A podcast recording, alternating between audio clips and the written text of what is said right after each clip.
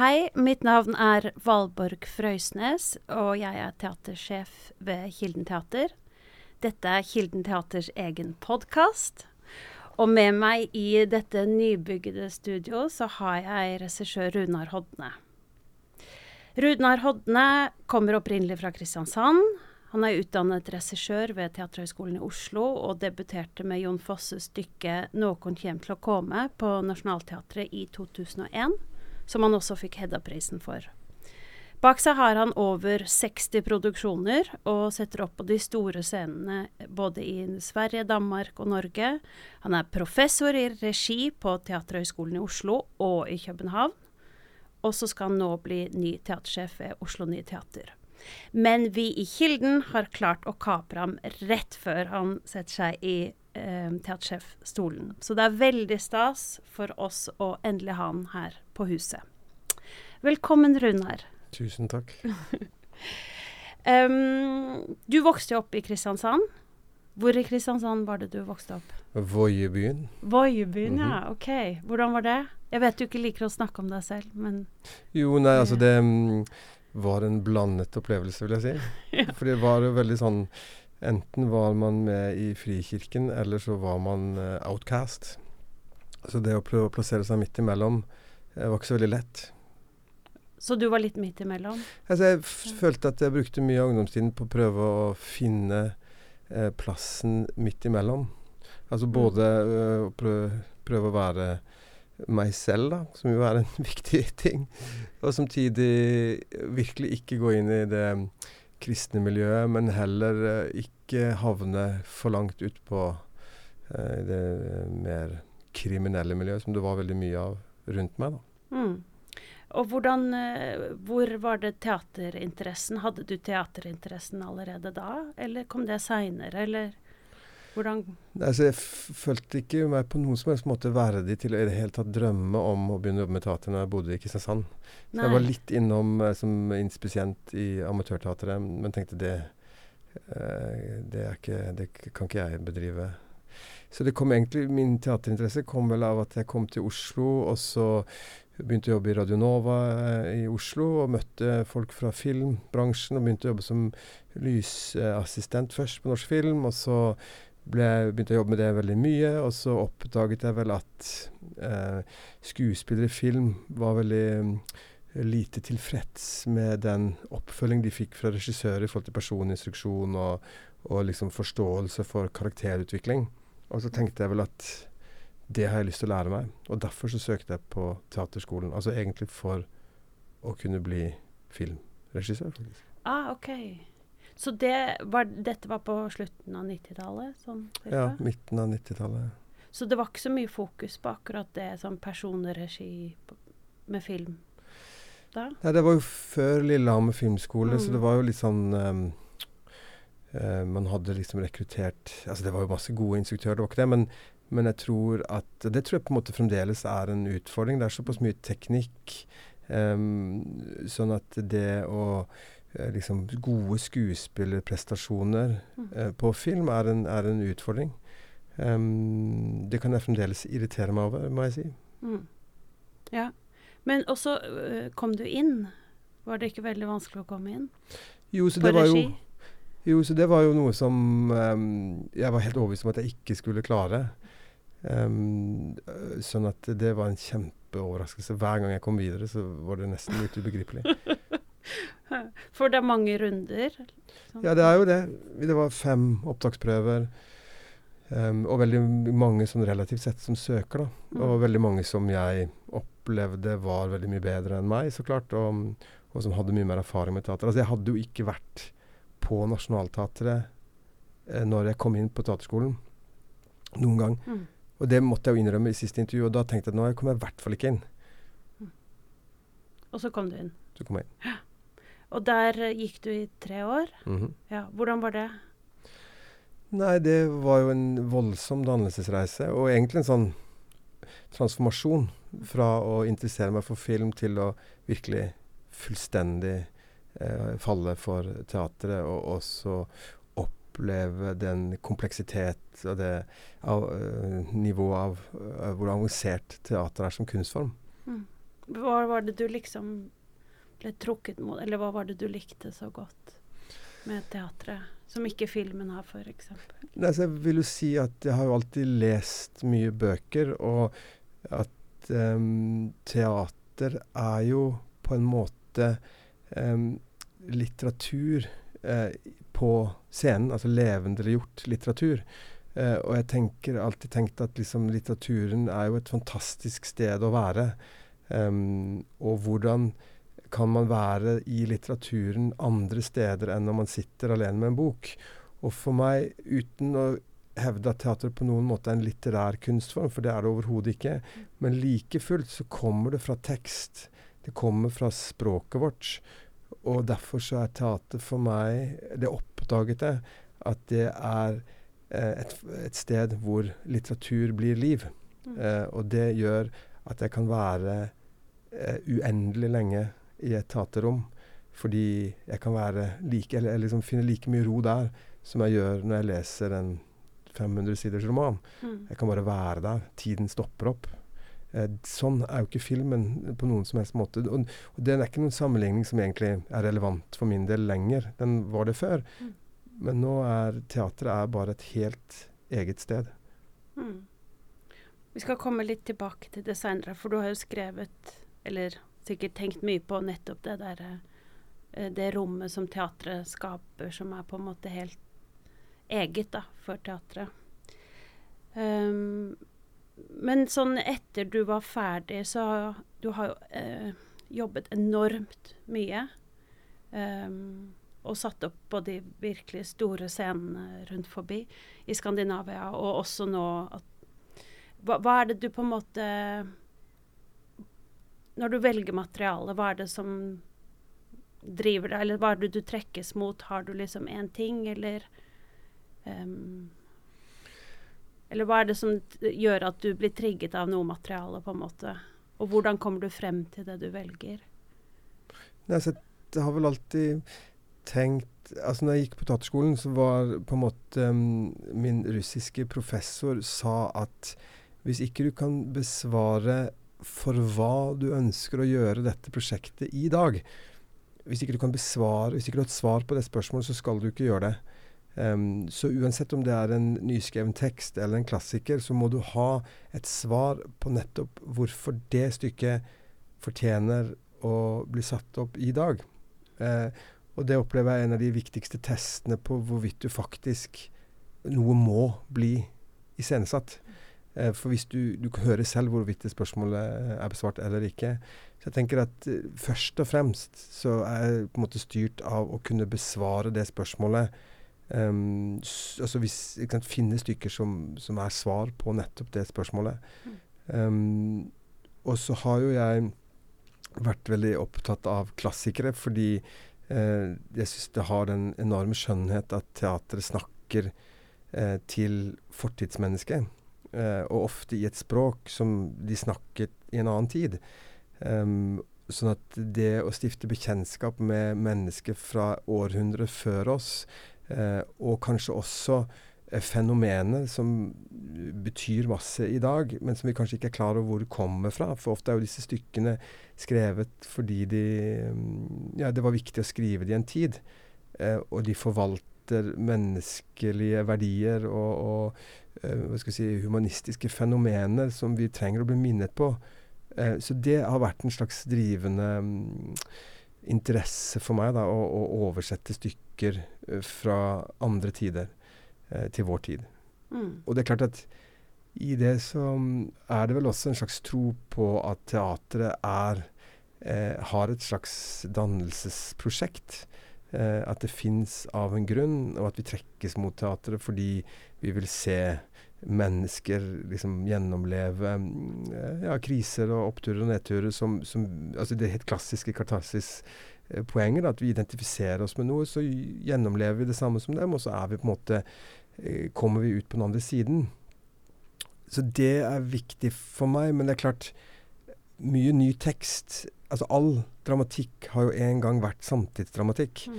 Sånn at det eh, å også være med på å Eh, holdt jeg på å si, teste eh, ut samtidsdramatikk på scenen, det mener jeg er en, en, en, opp, en veldig viktig oppgave når jeg er så privilegert, som jeg jo er, for, som får lov til å sette opp så mye som jeg gjør. Så har jeg også en forpliktelse i god forstand til å, å prøve ut nye dramatikere, ta et ansvar. Det er klart, det kan jeg godt se at jeg sikkert burde gjort mer av. Um, men, men, det i hvert fall har vært en form for blanding da, mellom klassiske tekster og, og, i perioder ny dramatikk. Mm. For det er en sånn debatt som dukker opp med jevne mellomrom, dette her med at kritikken av institusjonsteaterne som gjør så mange dramatiseringer av romaner, da ofte bestselgere, liksom, som er lett lettere å selge, kanskje, eller helt sikkert, enn nyskrevet dramatikk. Tenker du mye på den balansen der? Altså, du var litt inne på det nå, men hva er dine tanker rundt det med, og, med nyskreven dramatikk og liksom Ja, og vårt ansvar til å videreutvikle det, da, som du sier, mm. det, det, med klassikere og altså, Jeg tenker at um jeg tenker jo at bare i min tid så er det jo Dessverre så har på en måte eh, hva skal vi si, repertoaret eh, blitt ganske innskrenket. Altså Det er vanskeligere å sette opp Shakespeare, eh, bortsett fra kanskje noen få titler i dag, enn det var bare for 20 år siden. Um, hvorfor, hvorfor, hva tror du har skjedd? Jeg tror det handler litt om, om altså det er store uh, si, strukturelle um, endringer i samfunnet som gjør at abonnementspublikummet eh, på en måte har Altså de som likevel alltid går i teatret, altså det er blitt færre av dem. Mm. Eh, sånn at du Jeg tror du må eh, i større grad tiltrekke deg publikum eh, i form av prosjektets natur. Og Det kan godt være en klassiker, men det er likevel viktigere hvordan man begrunner eh, hvorfor mm. Eh, det skal gjøres i dag, enn en at det bare er interessant i seg selv. Um, så det er jo med beklagelse, holdt jeg på å si. Men det stiller også noen nye krav til oss. Vi, vi i teatret er nødt til å um, begrunne vår eksistens kanskje mer i hvert eneste prosjekt uh, enn man måtte før. Um, så, og da tenker jeg at det er ikke så rart at man venner seg f.eks. til kjente romantitler, um, fordi de har en appell. Mm. Um, og så leser jeg også Jeg kan godt forstå at man kan kritisere at de da kan bli nettopp litterære eh, i sin form. Men jeg tror ikke det Det er ikke noe rammende generell kritikk, for jeg har sett fantastiske romandramatiseringer eh, på scenen som har vært i full mundur teatrale oppsetninger. Så jeg tenker at det fins vel vellykkede og mindre vellykkede dramatisering på samme måte som det fins vellykkede og mindre vellykkede mm, klassikere eller nydramatiske ny forestillinger. Mm, det er ikke noe likhetstegn der nødvendigvis? Nei, jeg syns den kritikken blir litt for generell. Mm, ja. Og så nå som du da uh, tar over som sjef, så kommer du sikkert til å tenke mye mer på nettopp disse tingene også, i, også med tanke på publikum. Men du var jo litt inne på det, det med teater uh, som dannelsesinstitusjon. Lurte på om du kunne si litt om hva du tenker om um, teatrets funksjon, eller da først og fremst kanskje institusjonsteaternes funksjon i et, ja, et moderne samfunn, i et moderne demokrati. Uh, Altså det, akkurat det å si at det er en dannelsesinstitusjon, er jo også litt problematisk nå. For da mm. sier man jo at vi har noen innsikter eller kan noe som verden ikke kan. Og Det er klart, det, det mener jeg ikke. Og jeg tror jo også at de store narrativene de, de um, har litt dårligere kår, kanskje heldigvis, i dag enn de hadde før. Um, så, som jo også på en måte er en Det er også en grunn til å omfavne at vi må lage enkeltstående prosjekter som appellerer, fordi kanskje der ligger også svaret på teaterets framtid. Um, men når det er sagt, så er det jo sånn at um, teater er jo ikke noe vi kan velge bort. Fordi teatret var der på en eller annen måte før sivilisasjonen. Teatret var der før demokratiet. Teatret var der før alle de institusjonene vi omgir oss med. Sånn at det er nesten motsatt. At uh, teatret kommer først og velger seg samfunnet uh, som en boltreplass.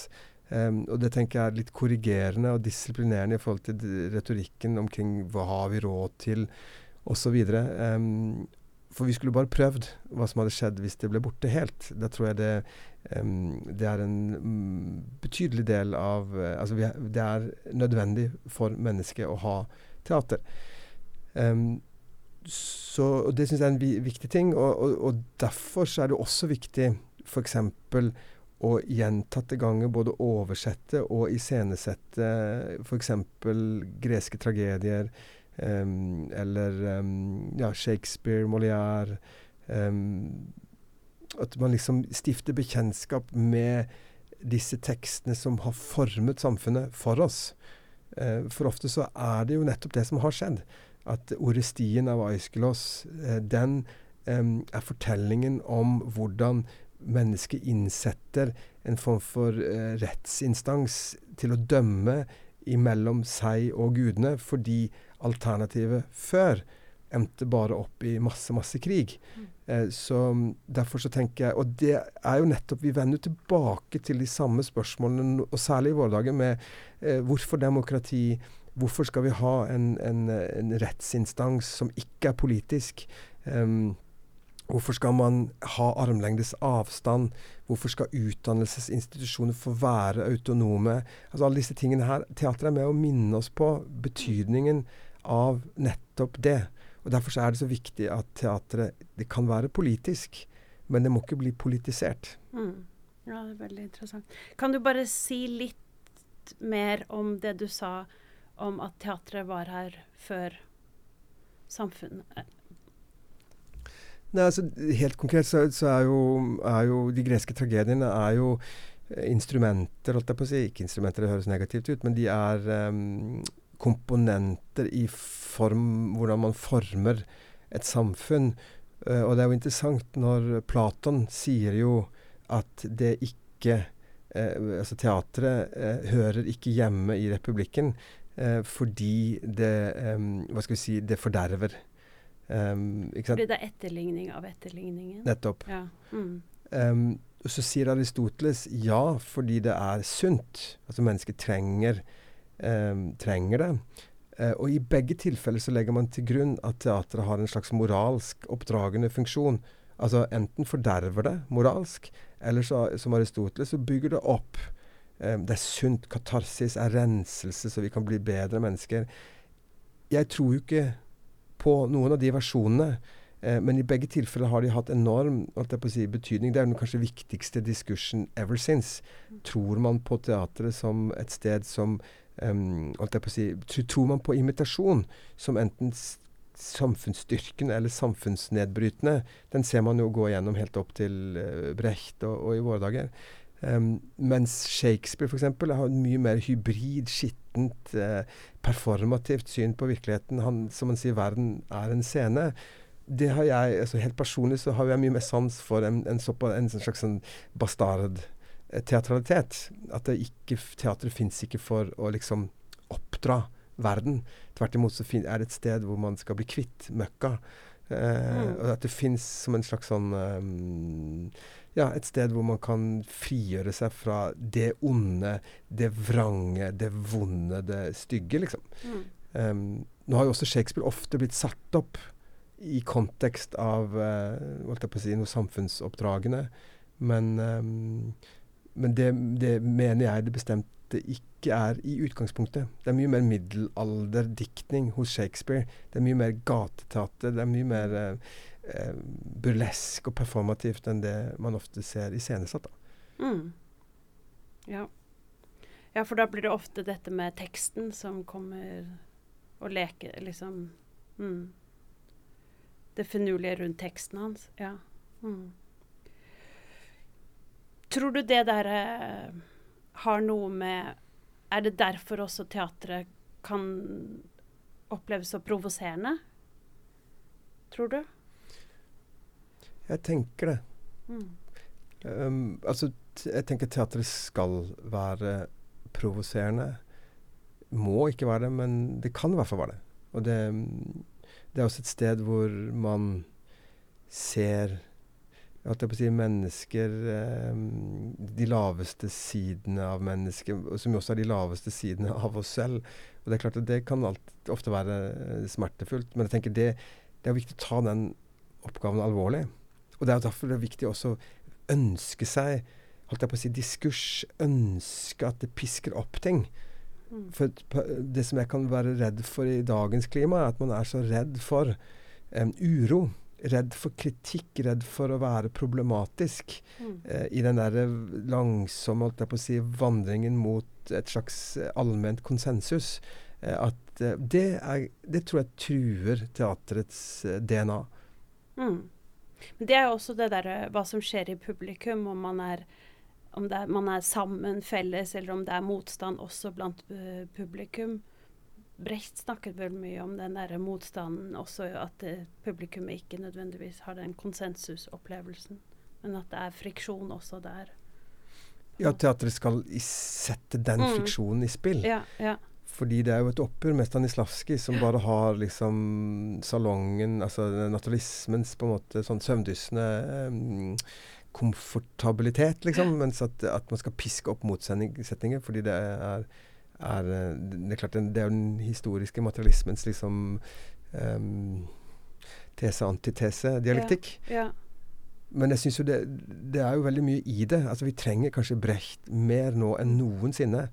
Uh, I hvert fall hans idégrunnlag. Mm. Men jeg tenkte også på at kanskje for et moderne publikum så er det ganske, også ganske sånn sterkt å se et ting så levende foran deg, for vi er blitt så vant til å se alt gjennom skjerm, og man har liksom den derre distansen til det, men plutselig så du liksom står foran noen, og du ser liksom pulsen slå, og de spytter og banner, og at det på en måte nesten er et sterkere uttrykk enn tidligere. Jeg tror du har rett i det. Jeg tror også at når man nå binsjer, altså timevis med TV-serier som på en måte har den samme jakten på små og store liksom, øyeblikk av katarsis. Tilfredsstillelsen eh, av å identifisere seg, altså at man skaper kvasiemosjoner. Eh, hvis du binger så kan du risikere å sitte og falle sammen i gråt fire til fem ganger i løpet av en kveld. Hvis du blir grepet av eh, si, film og TV. Um, så det fins en slags sånn det, Dette er ikke noe um, akk og uff over hvilken tid vi lever i, men det er ikke tvil om at man er eksponert for enormt mye kvasi-emosjoner. Um, mens i teater så er jo det veldig mye mer eksklusivt fordi det er live. og jeg synes det, er derfor jeg på en måte alltid Jeg er et svare strev uh, i familien når vi ser på, på, film og TV, fordi jeg, jeg utstår ikke alt det elendige skuespillet. Um, fordi uh, det, det, er, det, har bare liksom alltid Det er bare én til én. Um, og man ser at man pisker opp motsetninger bare for å få det utløsningen av den der øyeblikket av kvasi-emosjon. Mens, mens, det er jo en etisk Altså det å, å, få publikum med inn i en fiksjon, det er jo et etisk ansvar. Og da skal man jo lede Da skal man liksom være med på den reisen og ta ansvar for den reisen. Eh, det handler ikke bare om å få de der øyeblikkene av, av emosjonell eh, Eller holdt jeg på å si opp- og nedtur. Um, sånn at det der, som jo er et modernistisk prinsipp, men at du skal se en ting, høre noe annet og forstå noe tredje, eh, det holder jeg veldig høyt, da. Eh, for det er jo det som åpner opp rom for undertekst, mm. for konsept, for gjennomgående prosess. Um, sånn at du får eh, tar en dramatisk fiksjon eller en dramatisk situasjon um, på alvor. Mm. Og det har du, du, Som jeg sa tidligere, så skrev du en tekst, og det virker som du har vært opptatt av det lenge, det forholdet mellom teater og virkelighet om hvordan teatret på en måte er et sånt laboratorium der sannhet og menneske eh, kan undersøkes og utforskes. Og så eh, om hvordan teatret skaper et eget rom, da. Um, kunne du sagt, utdypet det litt videre ut fra også det du sier?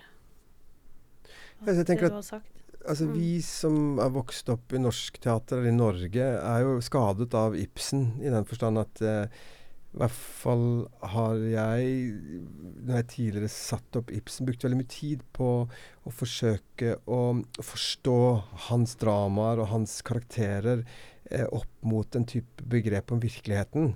Fordi det er så forankret, det er så konstruert, og det er så ekstremt sånn gjennomtenkt. Sånn at du vet at jo mer du graver, jo mer finner du.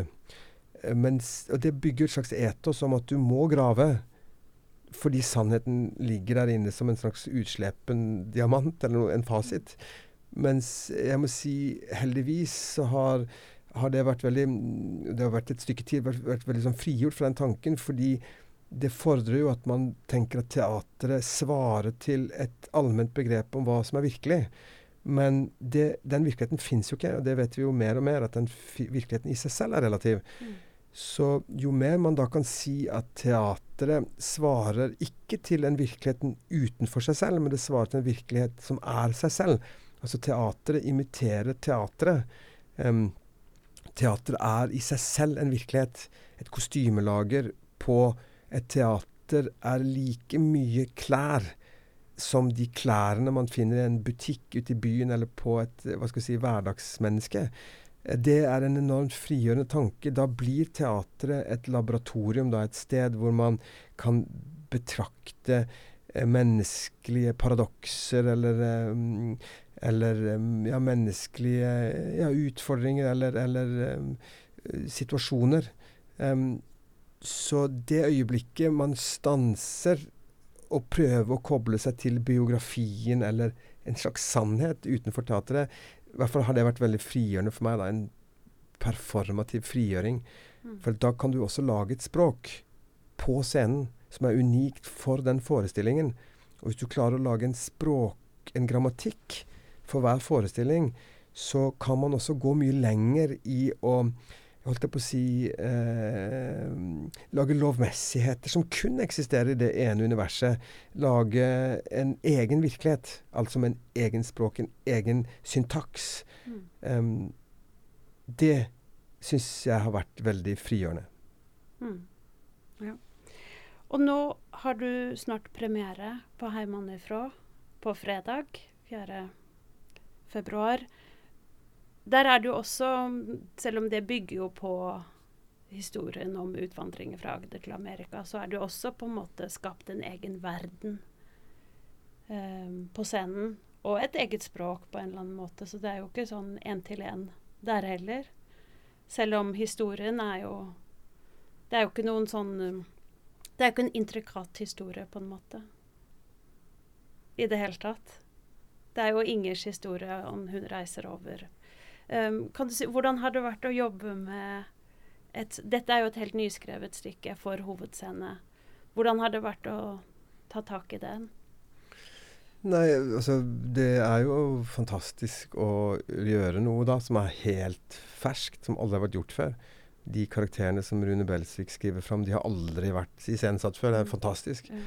Um, og det at det gir så mening som det gjør, er jo en stor gave. Ikke at det er noen overraskelse, men det er klart når man står på en hovedscene, så blir det veldig synlig. Alt blir veldig tydelig. sånn at eh, hvis det ikke hadde fungert, så hadde vi vært veldig ille ute. Det fungerer supergodt. Mm. Eh, så er vi litt tilbake til det vi har snakket om. Eh, dette stykket utspiller seg først på Silokaia i Kristiansand på 50-tallet så er det om bord på MS Stavangerfjord på vei til uh, New York. Og så er det i New York på forskjellige locations, inne ute.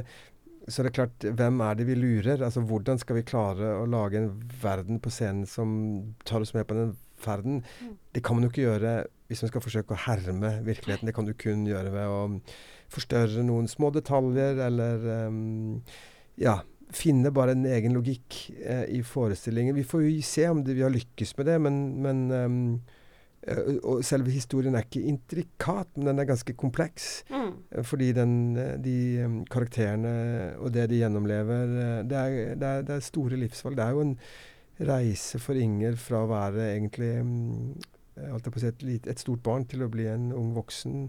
Den det er også en, en, si, en, modernitet som er formativ. Det dette samfunnet hun reiser fra, vet vi gjennomgår enorme eh, forandringer fra den tiden til nå. Så det er klart, det snakker inn i noen ganske store ting. Mm.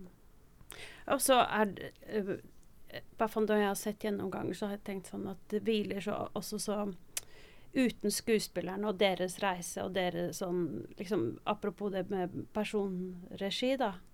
Hvor viktig det er i en, også i en sånn hovedsceneproduksjon som dette her. At det hviler så mye på at vi klarer å følge de karakterene, da, særlig Inger, selvfølgelig. Og at vi følger som publikum, at man følger henne, liksom. Og der kommer jo selvfølgelig skuespillerens arbeid og din dialog med skuespilleren inn. Ja. Så det er klart Og det er jo en tolkning, så klart, av hvem disse karakterene er.